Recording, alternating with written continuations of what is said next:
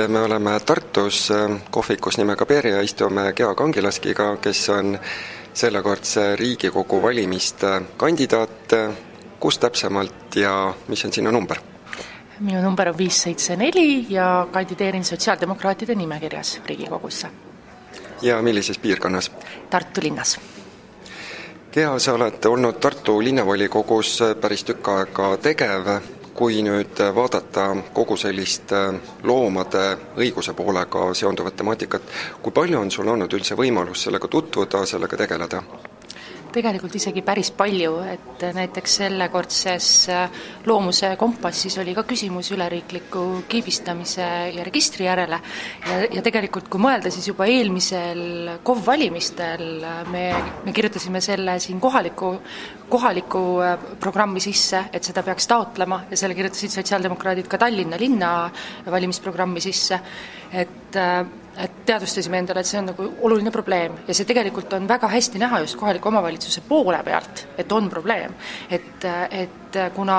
kõik loomad ei ole registrisse kantud ja väga paljud on ka erinevates registrites, eriti linnas juhtub niimoodi olema, et et kui nad näiteks ütleme, koerad või kassid satuvad varjupaika, siis on hästi raske nende omanike tuvastamine tegelikult. ja linnale see on, on päris suur väljakutse, otsida siis erinevatest vallaregistritest, eks ole, loomi ja nende omanike taga ja siis teinekord avastada ka, et, et ei olegi võimalik leida.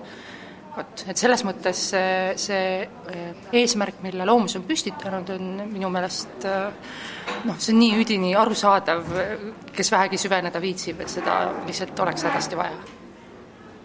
viimased paar kuud on olnud väga tugevalt üleval ka karusloomafarmide keelustamise temaatika, Riigikogus seekord taas läbi ei läinud, milline on sinu suhtumine sellel küsimusel ja sellel teemal?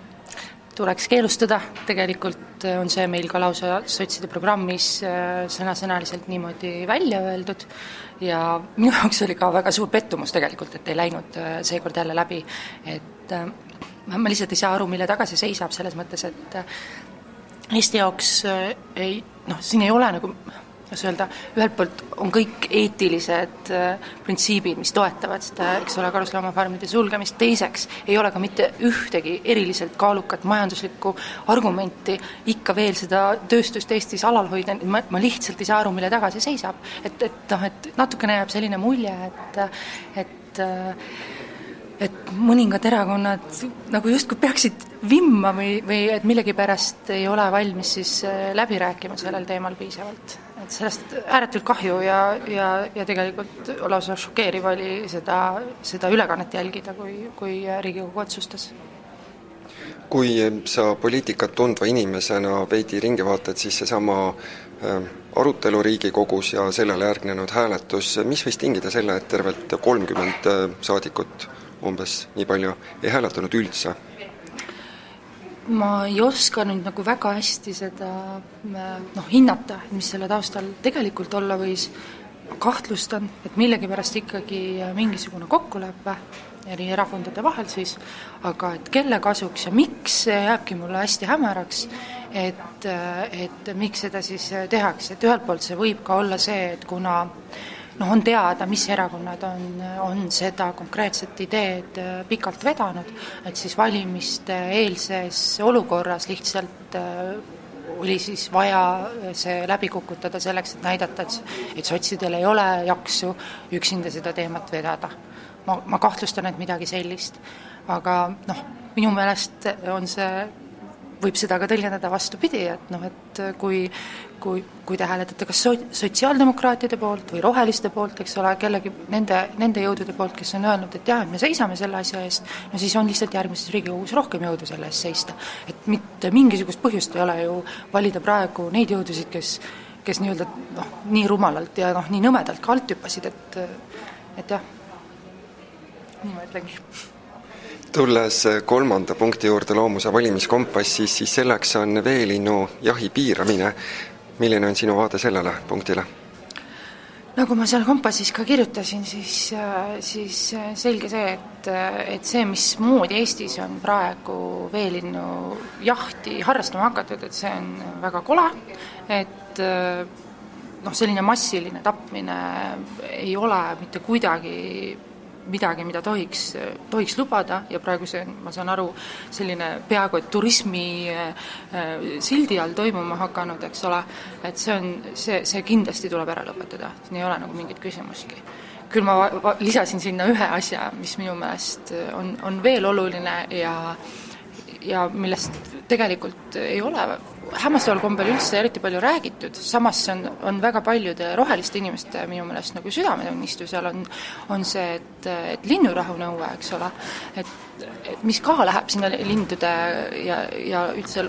elus, elustiku nagu kaitsevaldkonda, et minu meelest nagu see on, see on ka asi, mille peaks kindlasti üles tõstma, et et, et ei saaks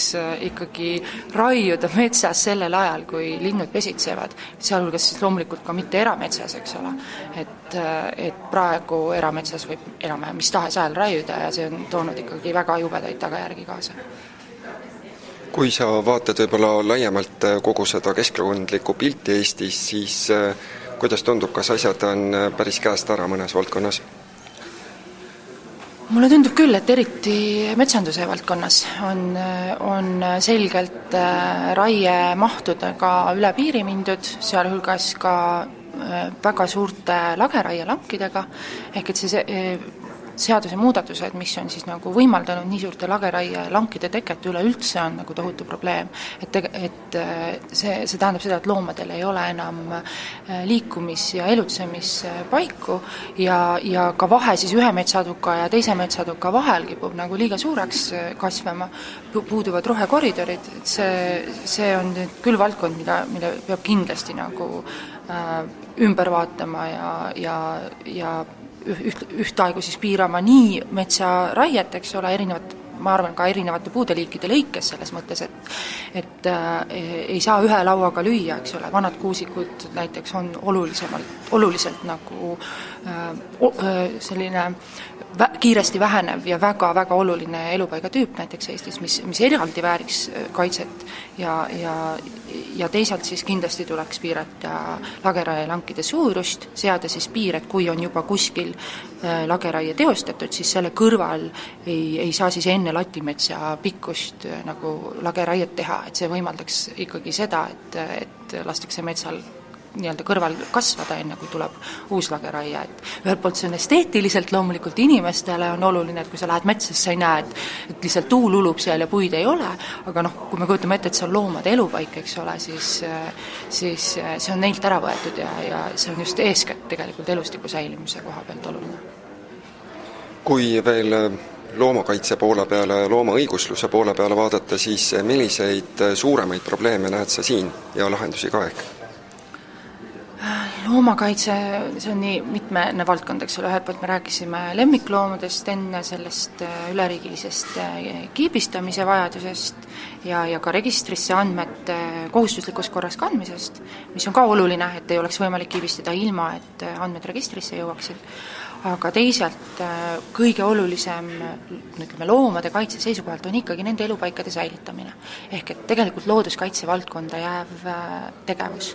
et, äh, et mis tähendabki just nimelt seda, et, äh, et me peame äh, jätma loomadele piisavalt eluruumi inimeste eluruumi kõrvalt. ja, ja me ei tohi oma metsi noh, niisugus-, niisugusel moel hävitada, nagu me oleme seda seni teinud. et,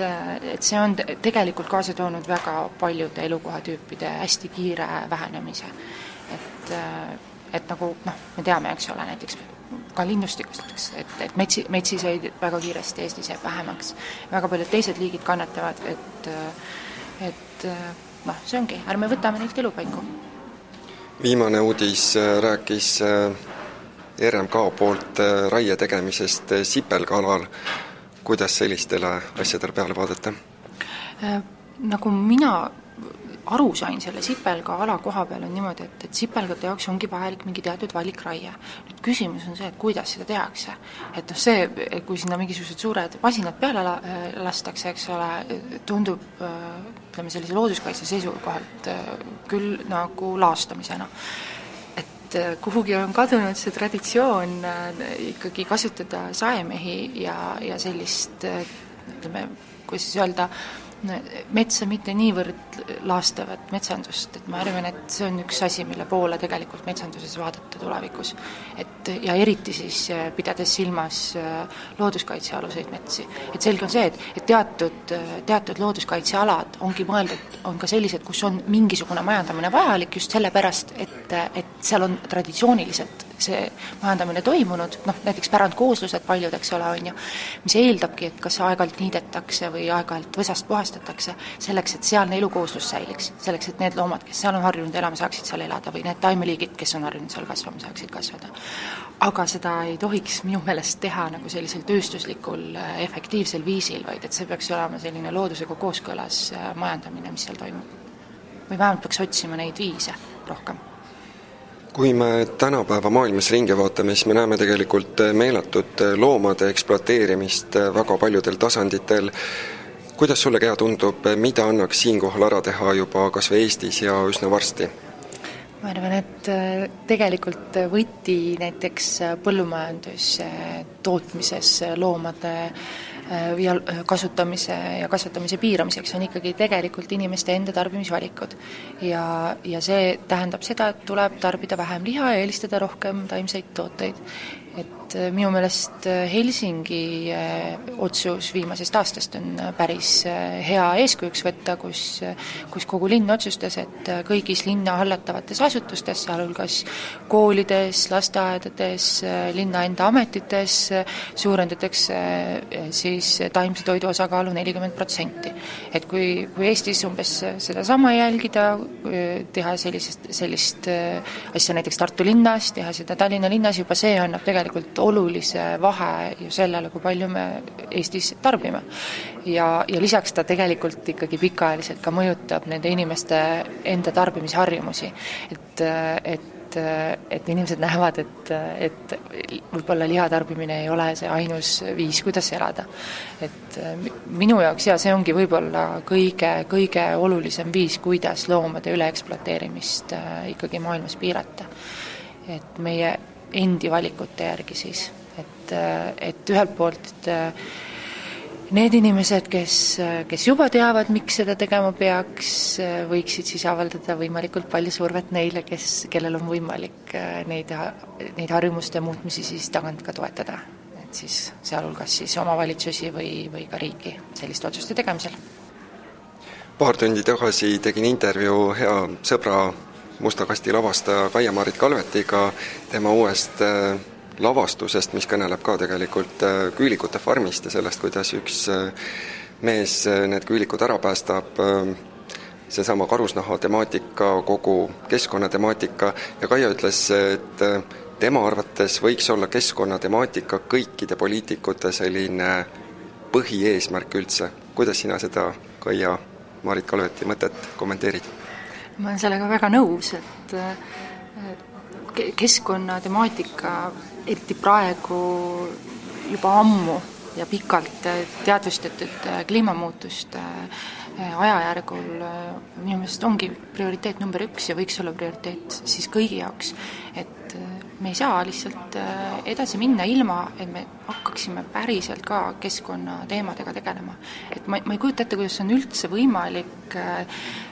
teha pikaajalist poliitikat äh, ilma keskkonnateemadesse süvenemata. et minu jaoks see lihtsalt ongi A ja O, et äh, ma lootsin küll juba nendel valimistel tegelikult, et, et keskkonnatemaatika saab lõimitud palju enamate erakondade programmidesse palju põhjalikumalt, kui, kui ta ikkagi sai. ma olen selles mõttes üllatunud, et Eesti kuidagi on ülejäänud Euroopast eeskätt nii palju maha jäänud selle just ütleme, nende ideede laiema rahvahulkadeni jõudmise mõttes, et et kui, kui, kui loed, et Helsingis või, või Belgias või, või väga paljudes teistes Euroopa riikides, Suurbritannias on, on noored ja on inimesed tänaval ja ütlevad, et ei tohi meilt võtta ära tulevikku, et nende teemadega tuleb tegeleda, siis huvitaval kombel Eestis on üsna vaikne selle koha peal. ja, ja ja, ja ma arvan, et see ei kesta väga kaua, selles mõttes, et tasapisi äh, hakkavad just eriti noored ikkagi palju rohkem teadvustama neid probleeme. Ja juba praegu on näha, et kui, kui käia koolides ja ma käin seal sageli kas siis ütleme, demokraatia või inimõiguste alaseid äh, loenguid pidamas, et siis väga paljud küsimused äh, äh, puudutavadki just inimkonna tulevikku ja, ja, ja seda, kuidas me selle, selle maa peal ikkagi edasi hakkama saame ja kuidas, kuidas ja milline elukeskkond siis me, meie lastele, lastelastele jääb, et me ei saa vältida neid teemasid enam kaua. aitäh, Kea!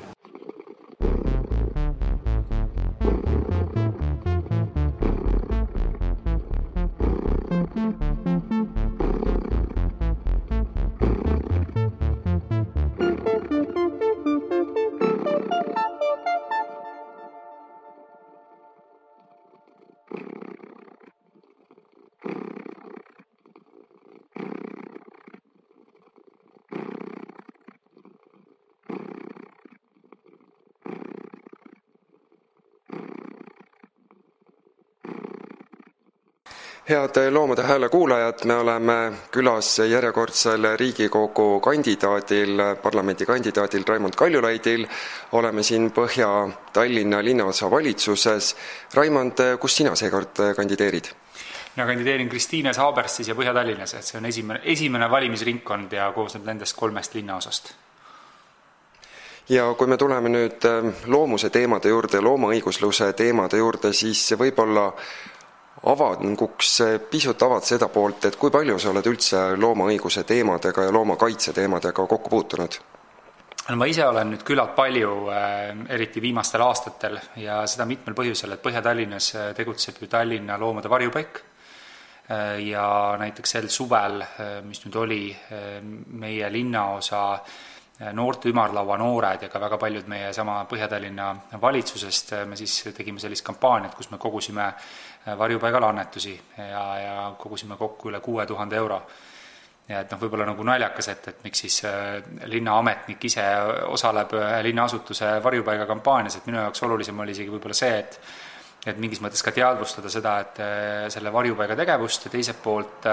ma arvan, et iga üks, kes selles kampaanias annetas, väga tihti need olid ka inimesed, kes näiteks erinevatel avalikel üritustel või kuskil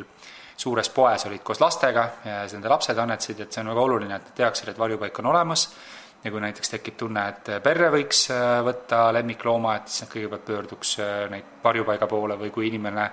ei saa endale lemmiklooma võtta, aga tahab loomade heaolu eest hoolitseda, siis alati on ju võimalik varjupaigas vabatahtlikuna tööd teha. ja teiseks, noh, loomus ise on küllalt aktiivne olnud Eestis äh, erinevate poliitiliste jõudude erinevate poliitikutega suhtlemises Äh, ja, ja oma siis äh, selliste äh, poliitikasoovituste tutvustamises ja, ja ma olen püüdnud siis alati jõudumööda olla nagu avatud sellele ja aidata neil siis ka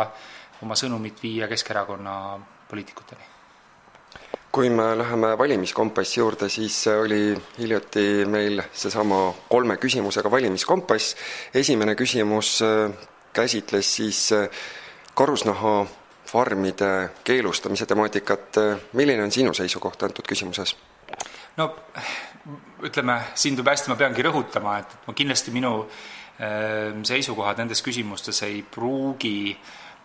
olla, olla samad täpselt, mis on Keskerakonna enamike inimeste seisukohad, aga mina isiklikult leian, et nii nagu tsirkuse puhul, ka karusloomakasvatustes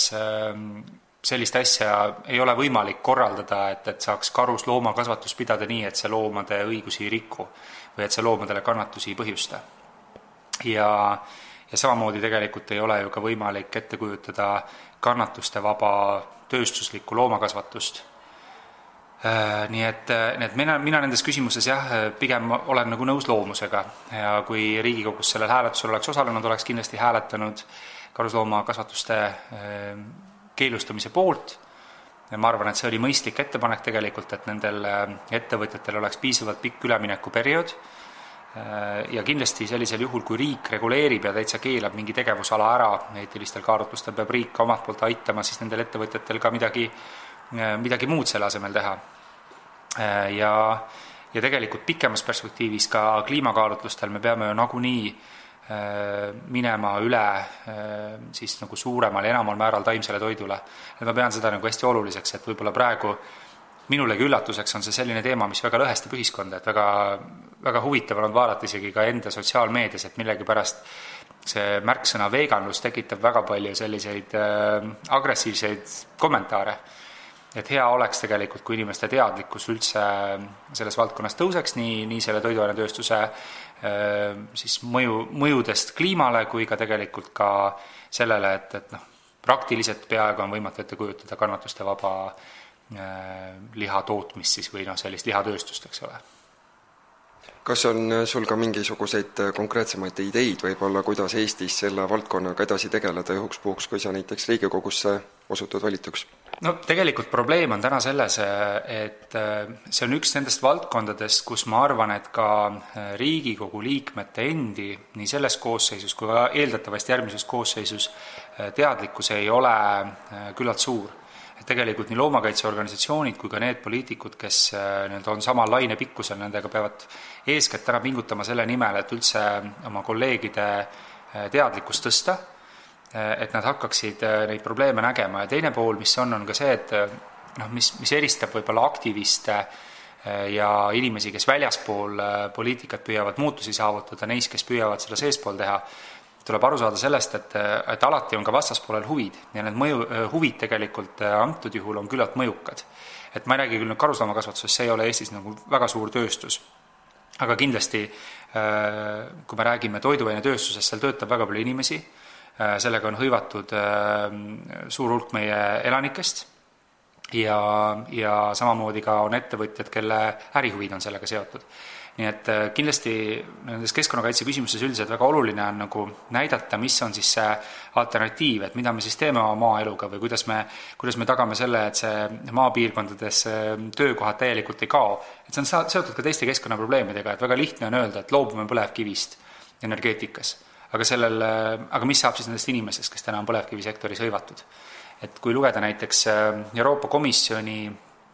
Äh, kavatsusi äh, just, mis puudutab kliimapoliitikat ja keskkonnapoliitikat energeetikat, siis nemad ka ütlevad, et ega need muutused energeetikas saavad ikkagi mm, toimuda ainult sellisel juhul, kui need piirkonnad, kes sõltuvad näiteks täna põlevkivist Eesti puhul, äh, Ida-Virumaa, et neile näidatakse reaalset võimalust, kuidas nad mitte ei kannata selle tulemusel, vaid kas siis võidavad või vähemalt, vähemalt see, see ei tähenda nende jaoks kaotust.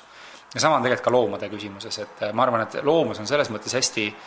mõistlikult oma, oma poliitikut ajanud, et ta nagu eristub sellistest võib-olla lihtsalt lihtsalt nõudjatest, kes tulevad ja ja, ja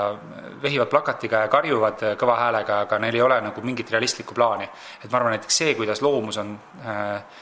järjekindlalt püüdnud veenda siis otsustajaid karusloomafarmide osas äh, meelt muutma, on väga õige, et, et ja samal ajal mõistes ka seda, et, et see on majandustegevus osade inimeste jaoks ja, ja nendel inimestel peab tekkima ka mingi alternatiiv siis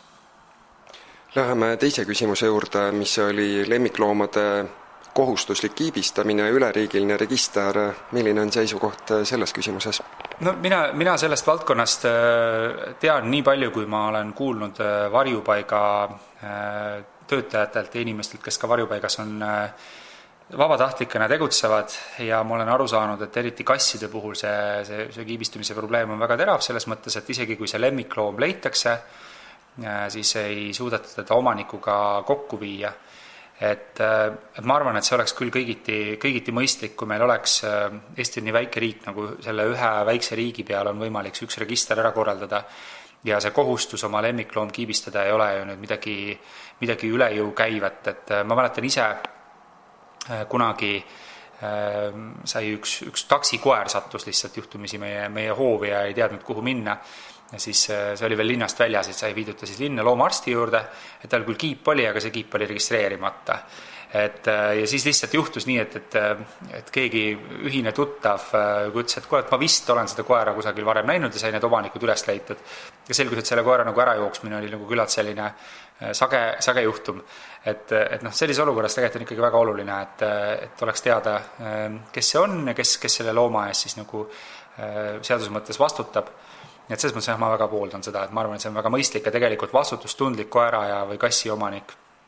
looma, omanik ise ju peaks olema igati huvitatud sellest, et ikka seda tuleb ette ka väga, väga hästi käituvate koerte-kassidega, et nad vahel kas pääsevad põgenema või, või, või lähevad kaotsi,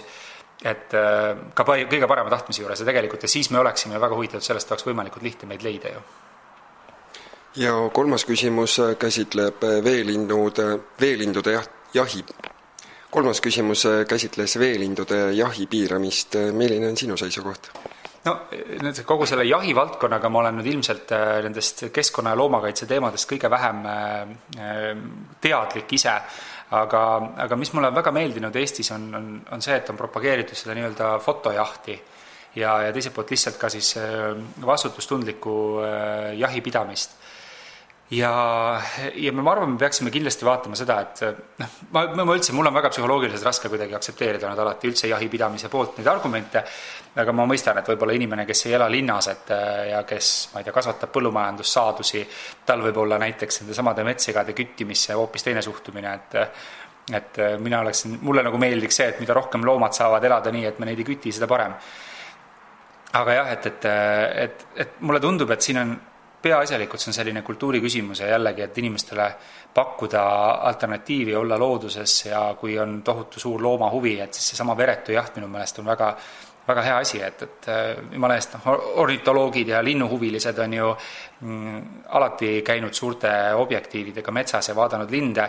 ja, ja neil ei ole tekkinud mm, tahtmist värvulisi tingimata nagu tükkideks lasta.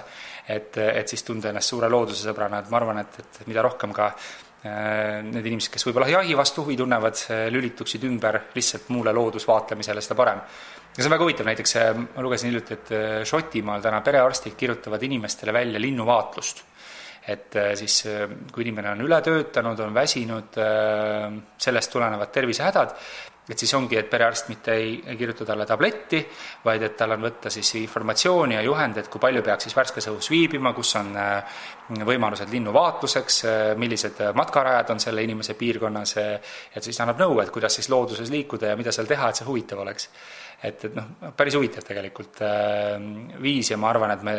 üha enam ka tervishoius täna hakkame võib-olla aru saama, et, et see nagu keemiline sekkumine ei ole tingimata alati esimesena kõige parem lahendus üldse sedasama ilmselt annaks harrastada siinsamas Tallinnaski, mõeldes näiteks Paljassaare linnuala peale. jaa, noh, Palja, Paljassaar on tegelikult selles mõttes väga hea näide ju, et esiteks Paljassaares on see uus äh, loomade varjupaik, äh, mille kohta muide viimased kuud kestnud väga agressiivne ja alatu kampaania nende vastu ja väga paljud inimesed on seda ka uskuma jäänud, et, et seal varjupaigas loomi mitte ei aidata, vaid hoopis väärkoheldakse, mis ei vasta tõele. ja samamoodi on Paljassaare poolsaar unikaalne just selle linnukaitsealana ja ta on nii-öelda arendustest jäänud kõrvale ja väga hea, et ta on jäänud. ja see linnukaitseala kindlasti tulevikus äh, jääb alles ja, ja peab jääma. Äh, ja sinna ka siis nüüd sel aastal ju esimest korda toodi mägiveised, äh, kes, kes ka praegu talvel, nad on nüüd korraks on ära viidud, aga ma saan aru, tulevad tagasi ja see on ennast igati õigustanud et, et täpselt, et noh, tegelikult ja kusjuures meil on, on ka veel mõtteid isegi siinsamas Tallinnas Äh, olnud, et võib-olla näiteks merimetsas võiksid lambad olla äh, tulevikus, kuigi siin on osad inimesi leidnud võib-olla seal nendele lammastele pisut ohtlik, arvestades, et see on selline tuntud grillimiskoht, no mina ei usu, et Pelguranna elanikud hakkavad äh, lambaid kinni püüdma ja ja, ja siis noh, ma arvan, et nende lammastega ei juhtu seal mitte midagi. Et, et ma arvan, et üha enam sellest saadakse ka aru. Ja mis on väga tore ju, on, on see, et tegelikult Tallinnas väga paljud ka linnaasutused on loobunud ilutulestikust just sellepärast, et see häirib äh, äh, linde loomi, kes linnas elavad. ja ma arvan, üldse sel aastal äh, oli ka väga palju, sotsiaalmeedias oli kriitikat ja see jõudis ka linnajuhtideni, et, et see selline uusaastale eelnev paugutamine isegi mõnes mõttes on veel hullem.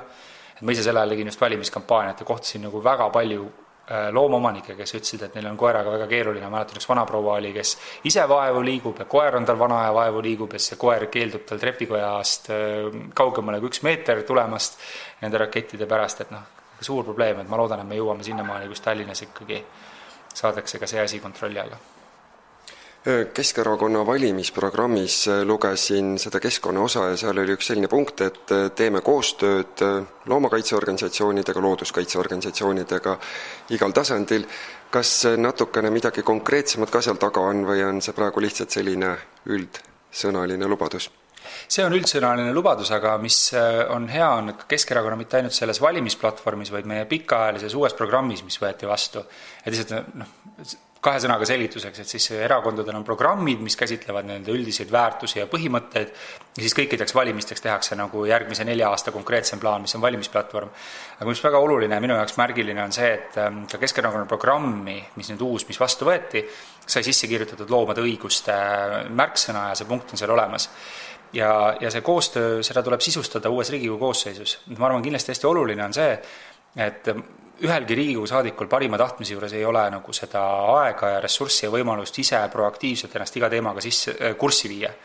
ja see koostöö äh, iga, erinevate organisatsioonidega väga erinevates valdkondades tegelikult peabki seisnema selles, et mõelda välja, kuidas siis viia see informatsioon, mis on, mis on inim-, otsustajatele vajalik, et sellest lähtuda, viia nagu neini, nendeni, äh, nii et see ei oleks võib-olla selline konfliktne ja, ja tülitsemine ja meeleavalduse formaat, vaid pigem vastastikune dialoog ja, ja see, et see, see punkt on sees, ma arvan, et see on, see on selline asi, millele, millele tulevikus saab viidata ja öelda, et näete, et meil ka valimisplatvormis oli selline punkt, et ma ei tea, et kas või näiteks võtame siis need loomakaitseühendused vastu või korraldame nendega kahepoolseid kohtumisi mm, nii omavalitsuse tasemel kui Riigikogu tasemel. et sellepärast need platvormi punktid on nagu olulised, et vahel, et samamoodi nagu seal on jalgrattateede võrgustiku äh, rajamise toetamine, et see ikkagi tekitab nagu isegi, kui ma ei tea, valijatest loeb väga väike osa neid programme ja platvorme, siis poliitikud nagu ise teavad, et varem või hiljem võtab ajakirjandus kokku ja küsib, et kus siis on ja kas on tehtud näiteks loomaõiguste äh, kaitse eest seisvate organisatsioonidega koostööd. ja kui siis seda koostööd ei ole tehtud ja veel hullem, kui näiteks see poliitiline jõud on, neile on pakutud seda koostööd või kohtumisi ja nad on neist keeldunud, noh, siis see näeb halb välja ja seda proovitakse vältida, et, et selles mõttes ma arvan, et isegi sellistest üldisematest äh, sõnastustest ikkagi lõpuks nendes platvormides on kasu, et oluline on see muidugi ka, et, et ühendused ise teaksid ja oskaksid sellele viidata. oskaksid poliitikute tähelepanu juhtida, et kuulge, et, et teil oli ju enne valimisi selline lubadus, et nüüd on see koht, kus me sooviksime, ma ei tea, teiega kohtuda ja, ja midagi arutada. et see kindlasti aitab nagu Toompeal asja ajada. lõpetuseks, kuidas võib-olla siis samm-sammult minna sinnapoole, et inimkond loomi sellisel kujul tunduvalt vähem ekspluateeriks kui praegu? no see muutus tuleb kindlasti põlvkondadega ja, ja, ja suhtumise muut-, muutumine ongi väga-väga keeruline, eriti kui on äh, aastasadade jooksul kujunenud harjumused, et äh, aga me ometi ju näeme, et see on võimalik, et äh, nii nagu naiste roll noh, kui siin just tuli välja Tõe ja õiguse film, eks ole, et kes on lugenud koolis kohustusliku kirjandusena Tõde ja õigust, küllap äh, märkab, et, äh, et, äh, et naiste roll toonases Eestis ja, ja ühiskondlikes asjades oli väga palju erinev sellest, mis ta on täna, et siis nagu mehed käisid kõrtsis arutamas tähtsaid asju ja naised sel ajal olid kodus. et, et nii nagu see naisõiguste liikumine on aastakümnetega ähm, võrdsustanud neid kaalusid, nii nagu erinevate vähemuste liikumised on võrdsustanud mm, kaalusid, niisamuti tegelikult ka loomade õiguste eest seismine on protsess ja, ja see, see võtab aega. aga peamine on jah, et äh, kuni inimesed ei mõista, et loomade näol on samuti tegemist teadlike olenditega, kellel on mõtted, kellel on tunded, kes näevad und, ähm, kes, äh, kellel on soovid, eelistused, äh, neile ühed inimesed meeldivad ja teised ei meeldi, neil on oma iseloom, mõnikord see võib ka olla vastik, see iseloom, nii nagu inimeste puhul, kui seda hakatakse nägema, siis on nagu märksa lihtsam sealt jõuda järgmiste sammudeni, et mis me siis nüüd selles osas teeme. et kõige olulisem on jah, nagu äratada see inimeste teadvus selle, selles osas, et, et, et loomad on samuti teadlikud olendid. kuni sulle nagu tundub, et see näiteks toiduainetööstuses olev loom, et noh, et ta nagu ongi selline juba ta sünnibki nagu vorstina, et, et ja, ja tegelikult tahabki väga vorst olla. ja sa ei ole kunagi mõelnud selle peale, et mida, mis, mida ta võib tunda et, et senikaua, senikaua ongi väga raske nagu ka seadusandjana näiteks ju vajutada siis nagu seda karusloomafarmide keelustamise nuppu. aga kui sa hakkad tajuma seda, sa hakkad sellest aru saama see jõuab sinuni, siis, siis, siis jälle nagu sinu, sinu hoiakud ja eelistused muutuvad. et, et ma arvan, see on kindlasti üks võti, et lihtsalt, et mida rohkem need inimesed, kes otsuseid langetavad, hakkavad aru saama sellest, et tegemist on Äh, teadlike teadusel olevate olenditega, kes mõtlevad samamoodi nagu meie, noh lihtsalt noh, mingil, mingil oma moel, aga neil on needsamad mõtteprotsessid ja see on täiesti olemas ja tunded olemas. et kui nad seda tajuvad, äh, siis maailm muutub. aitäh selle intervjuu eest, Raimond Kaljulaid, Keskerakonna kandidaat Riigikogusse Tallinnas, nimeta oma kandidaadi number ka. üheksa, kaks, neli. aitäh! aitäh!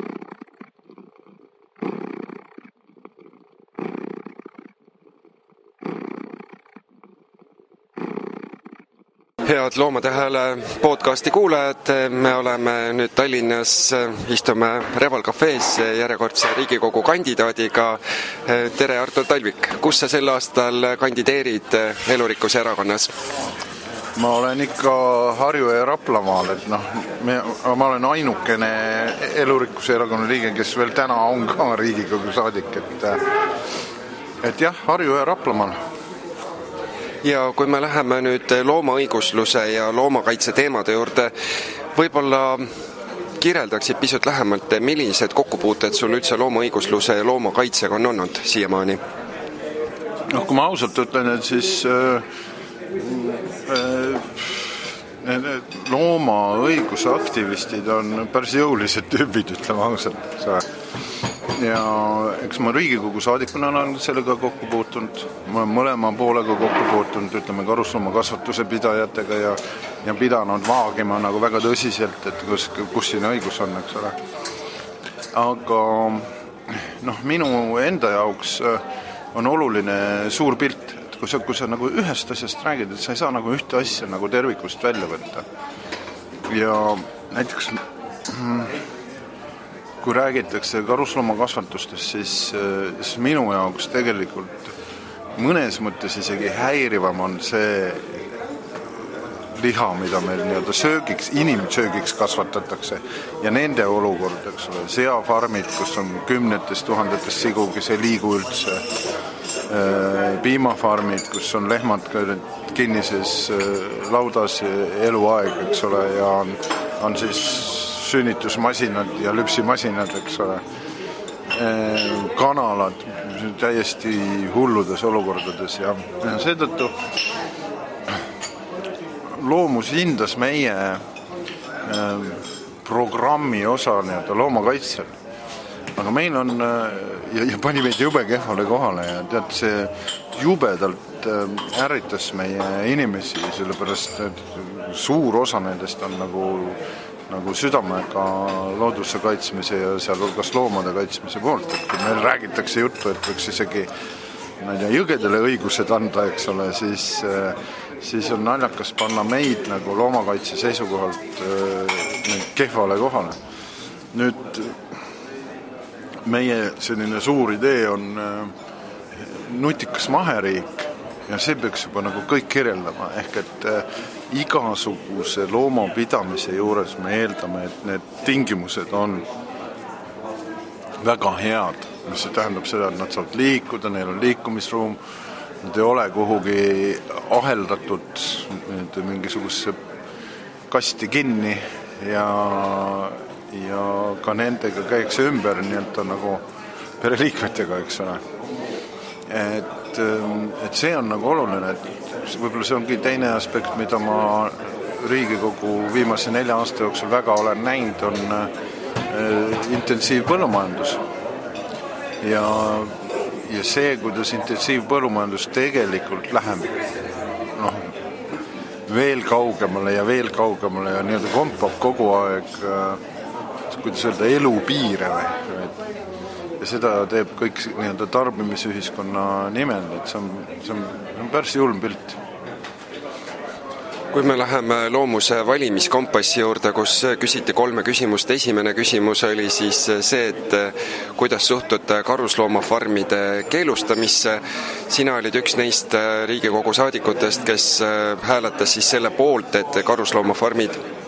võiksid olla keelustatud Eestis üleminekuajaga. seekord Riigikogu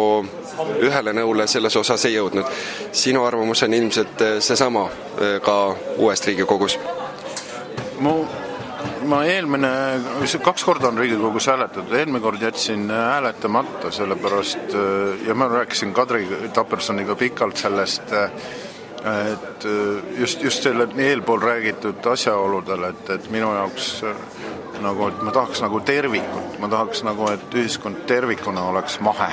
ja mulle õudselt ei meeldi keelustamine. nagu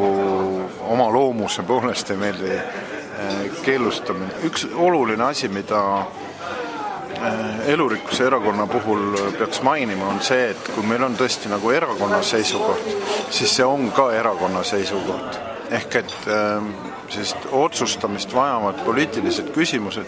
me hääletame omavahel, terve erakonna vahel äh, läbi. ühesõnaga need, kes tulevad hääletusele, saavad selle õiguse hääletada. kõik, kõik liikmed, nii et äh, see, seetõttu me oleme ainukene erakond, kes tõesti võib öelda, et, et see on nende erakonna seisukoht, mitte mingi juhatuse või, või veel hullem, äh, erakonna esimehe seisukoht ja karuslooma küsimuses me tegime samamoodi hääletuse, need tulemused olid noh, ülekaalukalt karuslooma kasvatuste kinnipanemise poolt ja,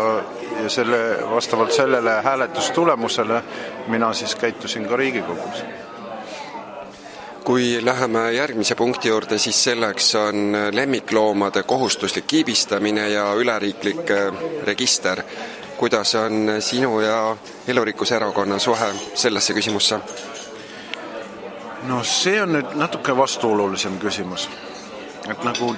terves ühiskonnas äh, noh, siin varsti juba räägitakse inimeste ärakiibistamisest või sellist noh, totaalsest jälgimisühiskonnast. ma saan ühest küljest aru, mida loomakaitsjad mõtlevad selle kiibistamise all, eks ole, et nii paljud äh, kuidas südametunnistusega inimesed lihtsalt võtavad endale koduloomi ja siis jätavad nad mm, kuhugi hulkuma. teisest küljest äh, meil oli ka kunagi koer, kes läks, kes oli kadunud kolm aastat, kujutad sa ette? koera kaelarihma peal oli graveeritud telefoninumber ja kui ta kaduma läks, siis tõenäoliselt see esimene, kes tema leidis, võttis ta endale koeraks, aga ei helistanud meile. siis midagi juhtus, siis kolm aastat hiljem keegi võttis sealt telefoninumbri ja helistas meile ja me olime ammu tema juba nüüd oma mõttes maha matnud. aga siis äh, mu abikaasale helistati, öeldi, et kuulge, et teie koer on siin ja siis ta alguses ei saanud nagu mitte üldse naljast aru ja siis kuskilt ajusopist tuli meelde, et issand, kolm aastat tagasi tõepoolest läks koer kaduma. alguses mõtles, et noh, et äkki keegi on lihtsalt sedasama rihma kasutanud mõne teise koera peal. aga siis, kui me teda nägime, kes ta oli päris räsitud olekus, temaga kokku saime, ära pesime ja ta meid kõiki ära tundis, siis see oli nagu selline uskumatu lugu. nüüd kiibistamise osas on äh, meil erakonnasiseselt äh, noh, kuidas öelda, mõned on ka kiibistamise vastu. ja just nimelt selle vastu, et need noh, et need pigem oleks vaja ühiskonnas nagu tervemat mentaliteeti looma, loomapidamise osas. ja et kas see kiibistamine, mis on ju teatud mõttes ka äri, ütleme, see, et sa kõik koerad või, või kassid või ma ei tea, kelle kõik sa ära kiibistad, eks ole see ju maksab. See on kellelegi äri, kas kiibitootjale äri või on äh,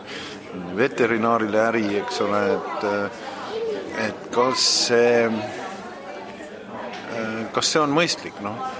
jällegi dilemma koht, et et võib-olla see väike summa, kiibistamiseks kuluv summa paneb nii mõnegi mõtlema, et kas ma võtan selle looma või ei võta seda looma ehk et see küsimus on jah, tekitanud meis eh, noh, mitte päris suure, aga, aga väikese debatikese küll. aga eeldus on see, et eh, debatti peavad inimesed, kes eh, tõesti loomade eest seisavad, mitte, mitte nii-öelda ma ei tea, loomavihkajad või, või loomadesse eriliselt suhtuvad inimesed kolmas küsimus. Valimiskompassis puudutas veelindude jahi piiramist, milline on sinu seisukoht siin? no meie seisukoht on ühene ja see on meil programmis ka, et noh, see selline jõhker kuramuse jahiturism, no tuleb lihtsalt ära lõpetada, et see on üle mõistuse ja see on need meie hulgas on ka ornitoloogia seltsi inim-, näiteks Mati Kose ornitoloogia seltsist, kes on väga pikka aega selle keelustamise noh, no poolt nagu seisnud.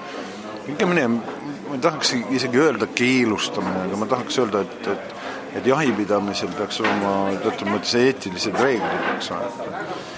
et äh, igasugune keelustamine tekitab jällegi sellist asja, et siis hakatakse salajahtima ja sellised, ja selle keelu äh, kontrollimine eeldab jälle sellist äh, uute bürokraatide tekitamist ja on, on tegelikult ka väga kulukas äh, meile riigile. aga teisest küljest ongi see dilemma, et kuidas sa siis lood nii-öelda teadlikku ühiskonda. Kindlasti haridusega, kindlasti hakkab see koolist peale, seletad äh,, missugune selline normaalne elukeskkond on keelustamine võiks olla nagu viimane asi ühiskonnas üldse, aga, aga see, mida äh, see nii-öelda jahiturism teeb meie veelindude või ütleme, rändlindudega, siis äh, see on jõhker. samamoodi ega siis ka põllupidajad, kelle põldudele need rändlinnud satuvad, siis nemad on ju ka valmis need umbes poole maha laskma. ega ka see lähenemine ei ole õige, et, et kui ähm, Euroopa Liit nagu väga hästi saab aru, et Eesti on üks rändlinnutee olulisemaid kohti, kui see nüüd ei nihku siit ära aga et siis ta võiks nagu mõelda selle peale, et, et siis sellele põllupidajale midagi ikkagi kompenseeritaks ka. Või et see põllupidaja tõesti paneb mingisuguseid noh, nii-öelda peleti, peletavaid elemente oma põllule, et oleks palju mõistlikum kui järjekordne nii-öelda masstapmine või, või, või millegi, ma ei tea, keelamine. Kokkuvõtteks, kui me vaatame maailmast ringi, siis on sellist loomade tohutut ekspluateerimist väga palju näha. millised on Elurikkuse Erakonna sellised konkreetsed tegevused, mida te sooviksite ette võtta, et selline massiline loomade ekspluateerimine lõpeks või seda vähemalt piirataks Eestis? no esmalt me räägime ikkagi sellest nii-öelda nutikast maheriigist, eks ole, et kõik äh, nutikas maheriik tähendab ka seda, et, et sellist noh, nagu üübertootmist on nagu vähem ja samm-sammult peaks ühiskond liikuma just väikeste üksuste poole ka näiteks põllumajanduses. ja see väike üksus äh, ja, ja selle looma kasvataja suhtub oma loomadesse hoopis teistmoodi, ta ei suhtu kui statistilisse äh, müüginumbrisse, vaid äh, kui oma looma. ja nii see on alati olnud varasemalt, enne intensiivpõllumajanduse tekkimist ehk et ümberkorraldus põllumajandus keskmise ja väiketootmise peale on üks kõige konkreetsemaid samme, mida, mida saaks üldse teha. ja, ja kui me räägime ka siis sellest nii-öelda mahepidamisest ja mahetootmisest, siis ka eeldab ikkagi vabapidamisega loomi, aga vabapidamine on mõiste, mida ollakse nii-öelda rohepestud ehk et ehk et äh, vabapidamiseks peetakse ka seda, kui lehmad on äh, tuhande kaupa laudas kuskil ja ei tule sealt kordagi välja. no see ei ole vabapidamine. me peame ikkagi silmas seda, et nad on äh, ka loodusega kooskõlas, et nad ei ole kuskil lüpsimasinad. aitäh, Artur Talvik, selle intervjuu eest ja soovin edu valimistel! aitäh!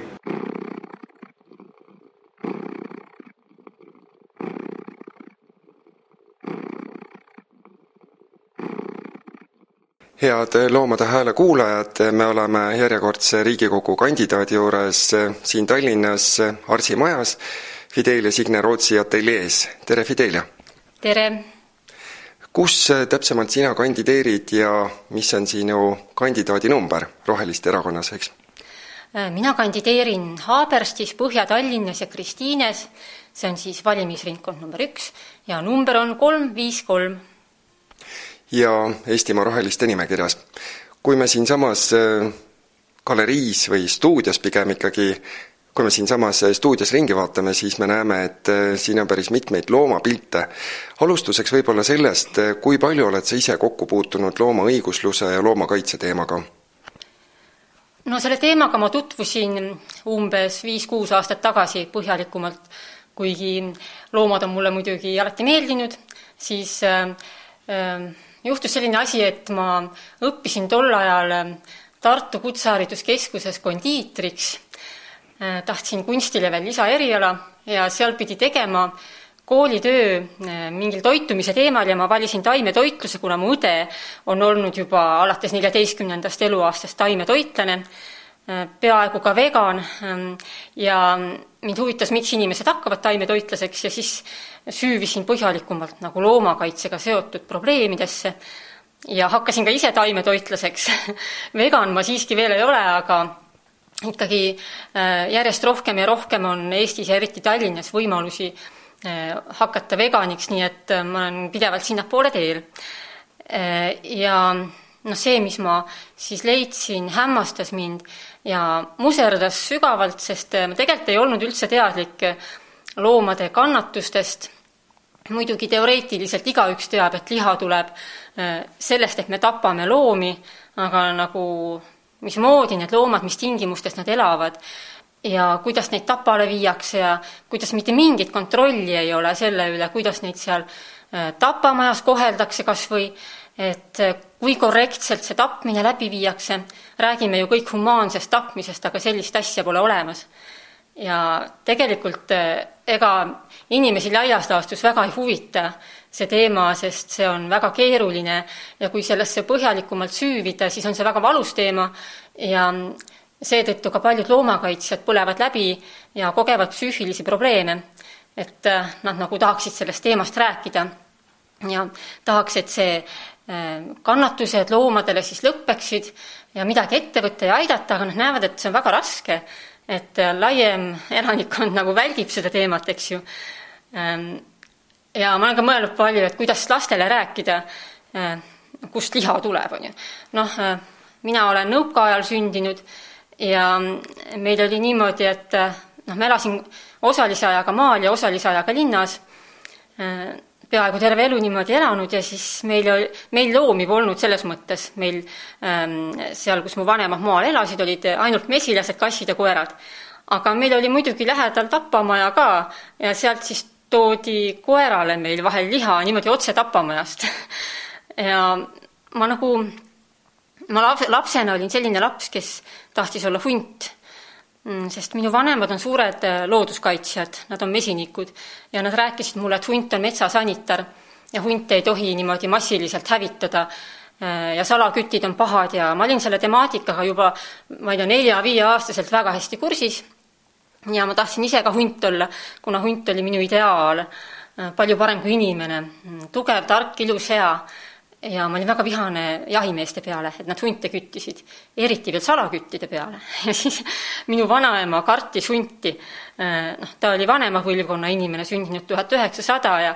pärit väga suurest rikkast talust, kus siis aeg-ajalt ikka hundid võtsid matti. siis ta ikka leidis, et hunte peab ikka küttima ja siis ma pidasin temaga kirjavahetust teinekord. kirjutasin, et hunt on hea, kui sa sellest aru ei saa, siis ma olen kohe metsas et äh, kus see jutt pihta hakkas, et tapamaja taha, et et ühesõnaga, kuna ma pidasin ennast lapsepõlves hundiks, äh, siis mulle tundus, et ma peangi liha sööma ja seepärast ei jõudnud mulle kuidagimoodi ilmselt kohale see tõsiasi, et massiliselt loomi piinleb ja neid tapetakse minu pärast ja paljude teiste pärast, kes ka liha söövad, eks ju. ma võtsin seda kuidagi oma äh, lapse mätta otsas või noh, jah et praegu muidugi, nüüdseks ma olen siis ikkagi teadlikuks saanud mm, sellest ja aga kui me läheme näiteks loomuse valimiskompassi juurde, siis seal oli kolm küsimust, esimene küsimus puudutas karusloomafarmide keelustamist Eestis, milline on sinu seisukoht siinkohal? kindlasti tuleks karusloomafarmid võimalikult kiiresti keelustada, sest et, et noh, kui me mõtleme liha tootmisele, siis noh, üldiselt ikkagi olen ma aru saanud, et hetkel ei saa me seda ära keelata ja meil ei ole ka minu meelest veel piisavalt palju alternatiive siiski. et isiklikult ootan laboriliha äh, müügile paiskamist, mis ka ei ole veel päris probleemivaba, seal on ka omad probleemid sellel laborilihal, aga ta on siiski minu arust natuke parem kui see päris liha, mis tuleb miljardite loomade piinamise, tapmise teel et see on nüüd üks asi, aga me tahame liikuda eetilisema Eesti poole ja karusloomafarmides piinatakse ja tapetakse julmal viisil loomi ainult selleks, et äh, saada karusnahka ja seda isegi mitte kasukate jaoks. nimelt siis tasub nende Riigikogu stenogrammidega ikka tutvuda ja äh, ma siis vaatasin, et et äh, aktsiaselts Balti Karusnahk tegevjuht Marge Tiidus väitis, et üheski Balti karusnahas kasvatatud loomanahast kasukaid ei valmista, valmistata, vaid nad lähevad puhtalt erinevateks ilutoodeteks, olgu siis ka, kas tupsudeks, kraedeks või salliotsteks. et see on siis väljavõte stenogrammist, äh, istungjärk toimus kahekümne teisel jaanuaril kaks tuhat üheksateist. niisiis äh, lõpetame ükskord ometi selle silmakirjaliku jutu kasukatest Eesti karusnahafarmidest valdavalt ei tule ühtegi kasukat, et lõpetage ära nagu mm,. sealt tulevad äh, sallid, tutid, ma, ma ei tea ühesõnaga ma lähen närvi, kui ma sellest teemast räägin. et päris raske on ennast jah talitseda. et äh, okei okay,, ähm, Eestimaa rohelised äh, olid juba aastal kaks tuhat üheksa karusloomakasvatuste vastu. Eesti Looduses siis kirjutas aastal kaks tuhat üheksa novembri numbris, et äh, Eesti Loomakaitse Selts koostöös erakonnaga Eestimaa Rohelised on koostanud loomakaitseseaduse parandusettepanekud, mis muuhulgas keelaksid kasvatada loomi karusnaha tootmiseks. kui see oleks tookord läbi läinud, siis muide oleks järgmine aasta keeld jõustunud, see oli mõeldud kümneaastase üleminekuajaga. nii et mul on väga kahju, et see jäi soiku ja siiamaani veel arutatakse. et nüüd loodan, et äh, nüüd, kus uus Riigikogu valitakse, et olukord muutub Läheme teise küsimuse juurde, selleks on lemmikloomade kohustuslik kiibistamine ja üleriiklik register. kuidas on sinu seisukoht selles küsimuses? jah, rohelised on ka selle poolt üksmeelselt. Mm, ja mu seisukoht on selline, et kindlasti peaks lemmikloomad olema kiibistatud ja kantud ühtsesse registrisse, sellepärast et praegu on neid registreid mitu, on lemmiklooma arstide register ei äh,, väikeloomakliinikute register. Äh,, siis on seal Eesti EE-s on mingi eraldi register. Ja kui ma oma esimese kassi võtsin aastal kaks tuhat neliteist, siis käisin temaga loomaarstil ja ta kiibiti ära ja pandi registrisse ja ma alles hiljem avastasin, et ta on ainult ühes selles väikelooma registris ja ei olegi seal suuremas Eesti EE portaalis. sinna ma sain ta ise sisse kanda, aga see oli kõik väga segane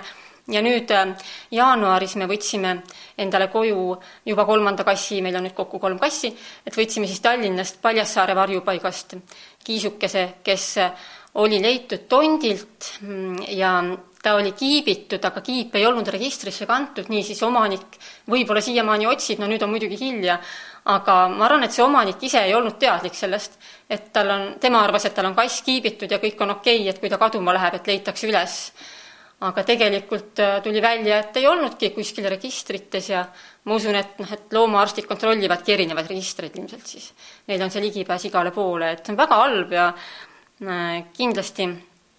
aga kui ma nüüd mõtlen, et kuidas järelevalvet korraldada, on ju just maal, külades, kus teinekord võib olla päris suuri kassikolooniaid äh, ja kus inimesed ei ole nii teadlikud sellest teemast ja neil ei ole ka raha, et mu enda mõte on selline, et veterinaar võiks sõita kodud läbi oma piirkonnas ja vajadusel ise kiipida siis juba. ja samuti, miks mitte ka steriliseerida, kastreerida kohe. et see on ka väga oluline, et vältida tahtmatute kassipoegade sündimist, äh, sest kolooniate likvideerimine on tohutult ajamahukas ja raha nõudev töö, mida paraku väga palju teevad just vabatahtlikud oma põhitöö ja laste ja perede kõrvalt ja kolmas küsimus Loomuse valimiskompassis puudutas veelindude jahi piiramist. jah, rohelised on ka veelindude jahi piiramise poolt kindlalt üksmeelselt ja see on ka meie programmis kirjas. meil on seal kirjas, et äh, me tahame siis kehtestada lubatud kütitavate lindude arvuks kaks lindu ühe jahimehe kohta päevas. no probleem, kindlasti kõik on sellest probleemist ka teadlikud, et äh, jahiturism on meil siin ja siis need külalised notivad maha kümneid tuhandeid linde korraga ja siis poseerivad nende lindudega Facebookis ja ähm, mis ei tähenda muidugi, et meie kohalikud jahimehed täiesti süütud tallekesed oleksid, aga aga jah, äh, äh, kui nüüd luge, lugeda seda diskussiooni, mis meedias on olnud sel teemal, siis ähm, ornitoloogiaühing on kindlalt sellise massilise küttimise vastu ja tahaks kehtestada rangemad reeglid sellele, aga jahimehed jälle vastavad, et tuleb korraldada koolitus nendele turistidele. Mm, ja siis selle koolituse tulemul, tulemusel loodetakse, et olukord paraneb, aga aga ei mina ega ka ornitoloogiaühing seda ei usu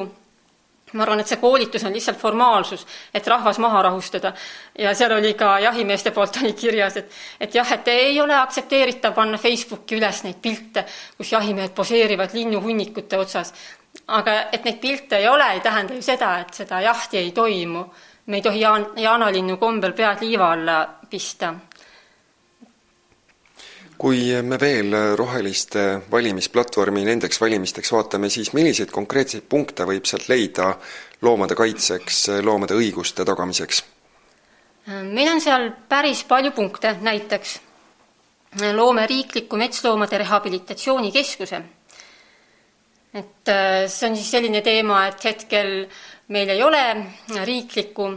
metsloomade sellist ravi ja äh, rehabilitatsioonikeskust ja sellega tegelevad vabatahtlikud jällegi oma vabast ajast, oma rahadega, annetustest muidugi ka, aga sageli tuleb päris palju ka omavahendeid muidugi panna või laenu võtta lausa ja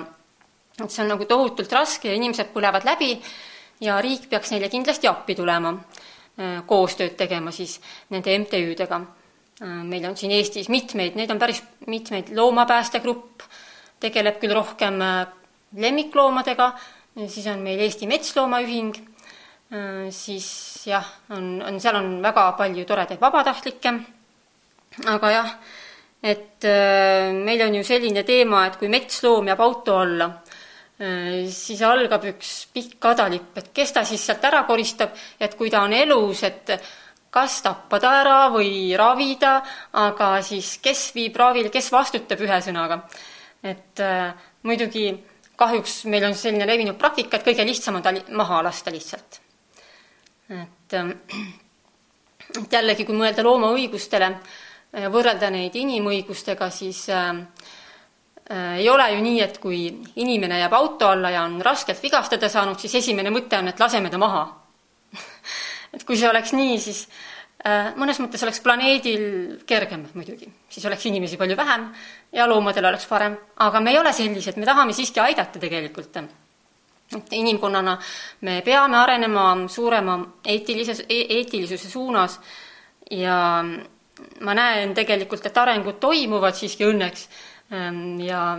me nagu aina rohkem üritame aidata endast nõrgemaid, olgu need siis loomad või teised inimesed, äh, puuetega inimesed ja nii edasi, vanad inimesed et äh, päris nii enam ei ole, nagu siin keskajal oli või äh, aga, aga jah, pikk tee on veel minna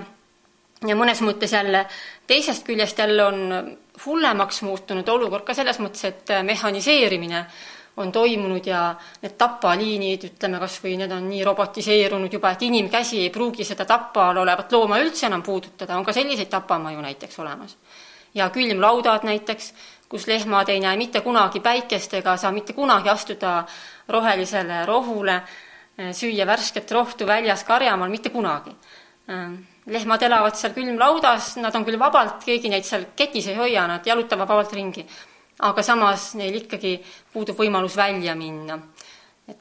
jah, äh, intensiivfarmi pidajad võivad küll öelda, et need lehmad ei ole ju kunagi väljas käinud, järelikult nad ei oskagi sinna tahta, aga vaadake neid videoid, kuidas esimest korda mõni lehm või siga või keegi on välja lastud, et kui õnnelikud nad on. kui me selle temaatika kokku võtame, siis millised on äh, roheliste poolt sellised konkreetsed plaanid või sammud, kuidas sellist väga massiivset ja massilist loomade ekspluateerimist vähendada, piirata? Jah äh,, siin muidugi igas selles loomakaitse teemalises punktis äh, on see teema sees, et kuidas loomade õigusi nagu parendada äh,. ma ise leian, et meil on kõige, üks parimaid punkte on see, et tapamajadesse panna kaamerad, mida on ka Prantsusmaal arutatud, juba vist ongi kusagil kaamerad ülal, et kui seal kaamerad on, et siis vähemalt on mingi kontroll mm, nende tapaliini töötajate üle ja et kui seal siis kaamerate kaudu avastatakse rikkumisi, saab kohe sekkuda, et praegu on noh, see täiesti kontrollimatu, loomad enda eest ise seista ei saa ja sellepärast peame meie nende eest seisma. me peame andma loomadele hääle. ja samuti karmistame karistusseadustikku. praegu on nii, et julmadel juhtudel võetakse loomapiinajatel loomapidamisõigus ära ainult viieks aastaks, aga me tahame seda ära võtta elu lõpuni. Muidugi siin on ka esimene asi juba see, et kuidas jõuda selleni, et loomapiinaja üldse süüdi mõistetakse. et kuna meil seadusandluses on ka väga palju vastuolusid tegelikult, et ühelt poolt loom, noh, kõik ju teavad, et loom on elus olend ja see on, see üks lause on meil seaduses ka kirjas tegelikult, et loom ei ole asi, see on meil kirjas küll, aga sellele järgneb pikk, pikk Eh, paragrahvide jada, mis käsitleb siis seda, et tegelikult on loom ikkagi inimese omand ja ja tegelikult kehtivad loomale nagu asjaõigusseadus, et et kõige totram ongi ju see, et loomapiinaja peab, peaks justkui iseennast üles andma, et siis saaks teda karistada. et, et muidu on keeruline jah, et ja ongi imelik, et meil on nagu, tegelikult on karistused täiesti olemas Ehm, looma kohtlemine eriti julmal moel on meil karistatav küll, aga kas siis karusloomafarmides ei olegi ehm, see looma julm kohtlemine, kui sa pead teda eluaeg, noh, see mingi seitse-kaheksa kuud, pead väikeses kitsas puuris teda ehm, ja siis lõpuks paned talle need elektroodid siis suhu ja pärakusse ja lased talle voolu sisse ja siis ta ei pruugi, pruugi kohe ära surra, ta võib-olla veel piinleb mõnda aega, enne kui see surm siis tuleb. ja on ka muidugi elusalt nülgimisi ette tulnud. Et nagu huvitav, et see on siis nagu seadusega lubatud. igal juhul suur-suur aitäh, Fidel ja Signe Roots, selle intervjuu eest ja soovin edu valimistel! suur aitäh teilegi!